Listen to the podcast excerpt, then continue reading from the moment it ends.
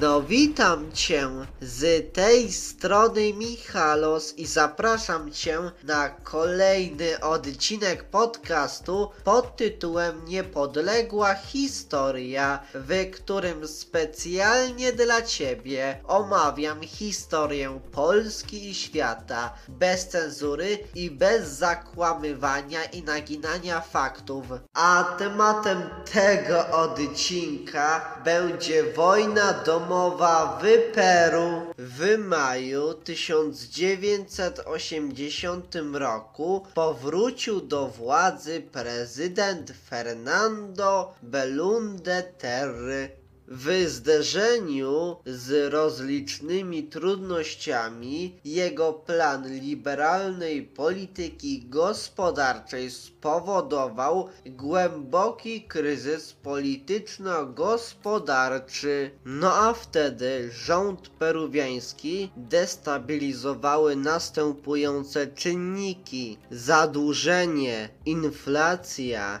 kryzys, bezrobocie, nielegalna uprawa krzewu koki i rozwój narkobiznesu. A co do kryzysu, kryzys gospodarczy w Peru spowodował na początku lat 80.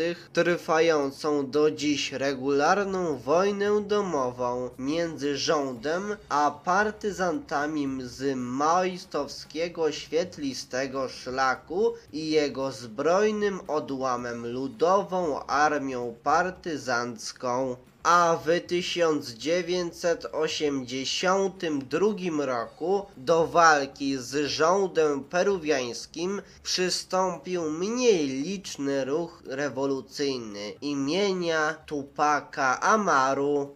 No a w połowie XX wieku Victor Raul Haya de la Torre z amerykańskiego rewolucyjnego sojuszu ludowego, w skrócie APRA, był dominującą postacią peruwiańskiej polityki, lecz nie został prezydentem ze względu na sprzeciw sfery wojskowych.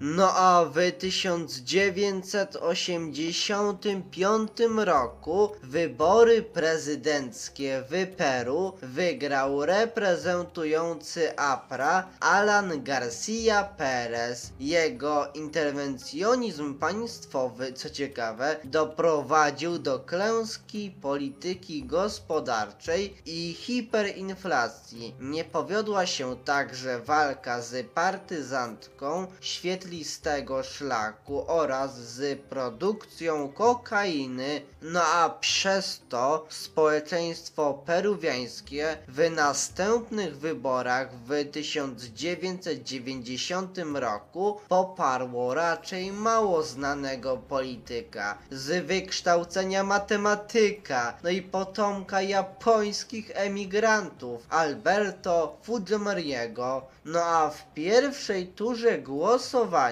czyli 8 kwietnia, nieznacznie więcej głosów otrzymał Mario Vargas Llosa, pisarz o poglądach liberalnych. Jednak przegrał on 10 czerwca w drugiej turze wyborów, a Fujimori, stojąc na czele nowego ruchu politycznego Cambio 90, rozpoczął wprowadzenie planu naprawy gospodarki poprzez m.in. wprowadzenie wolnego rynku, prywatyzacji wielu państwowych przedsiębiorstw i działań mających mających przeciwdziałać inflacji i zadłużeniu.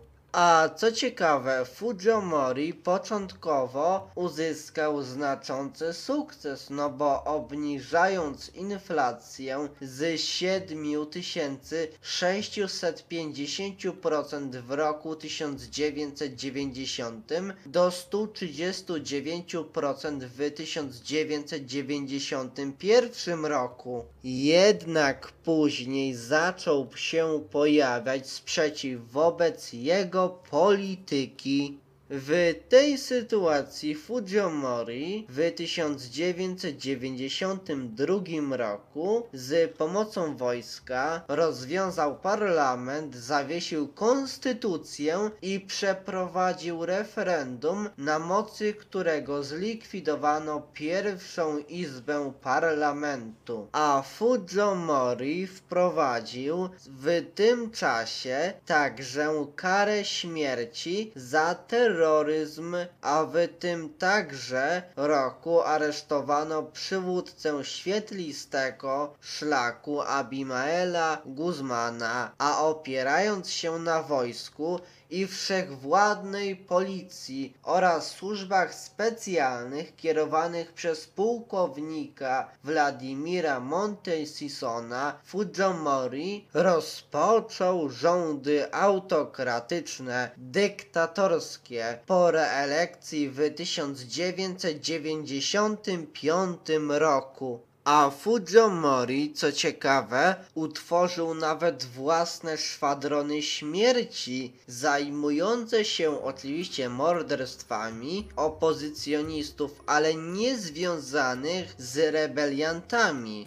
A co ciekawe, chociaż oficjalnie w wyborach w 2000 roku wygrał Alberto Fujimori, to jednak był on oskarżony o sfałszowanie wyborów. Przez to ostatecznie Fujimori po zamieszkach w kraju opuścił Peru w listopadzie w 2000 roku i udał się na emigrację do Japonii. No a mimo oskarżeń o zbrodnię ludobójstwa nie powiodła się ekstradycja Fujimoriego, a dzięki pomocy CIA jednak zatrzymano i skazano na więzienie znienawidzonego szefa tajnej policji Montesinosa. No a w drugiej turze wyborów w 2001 roku zwyciężył Indianin z wykształcenia ekonomista Aliendro Toledo, który objął urząd 28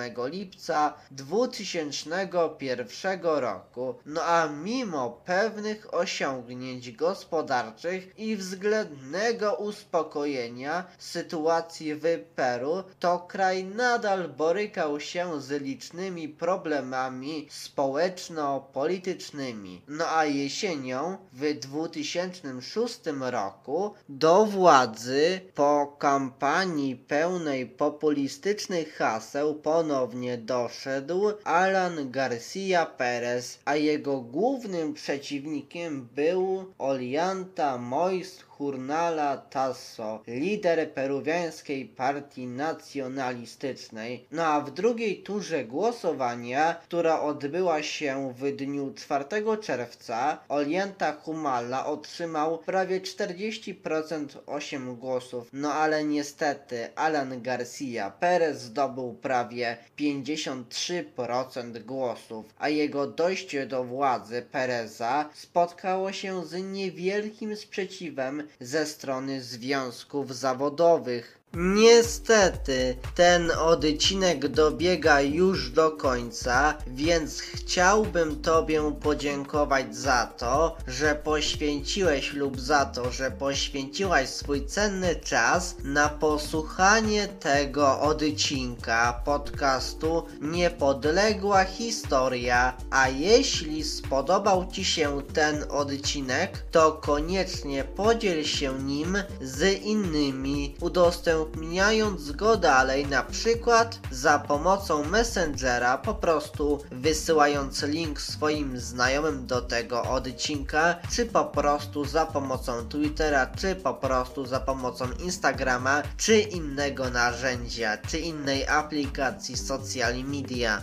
Z góry dzięki za okazaną pomoc w takiej postaci. No dobrze, ja muszę się już żegnać z Tobą, no to do usłyszenia w następnym odcinku. No to cześć, pa!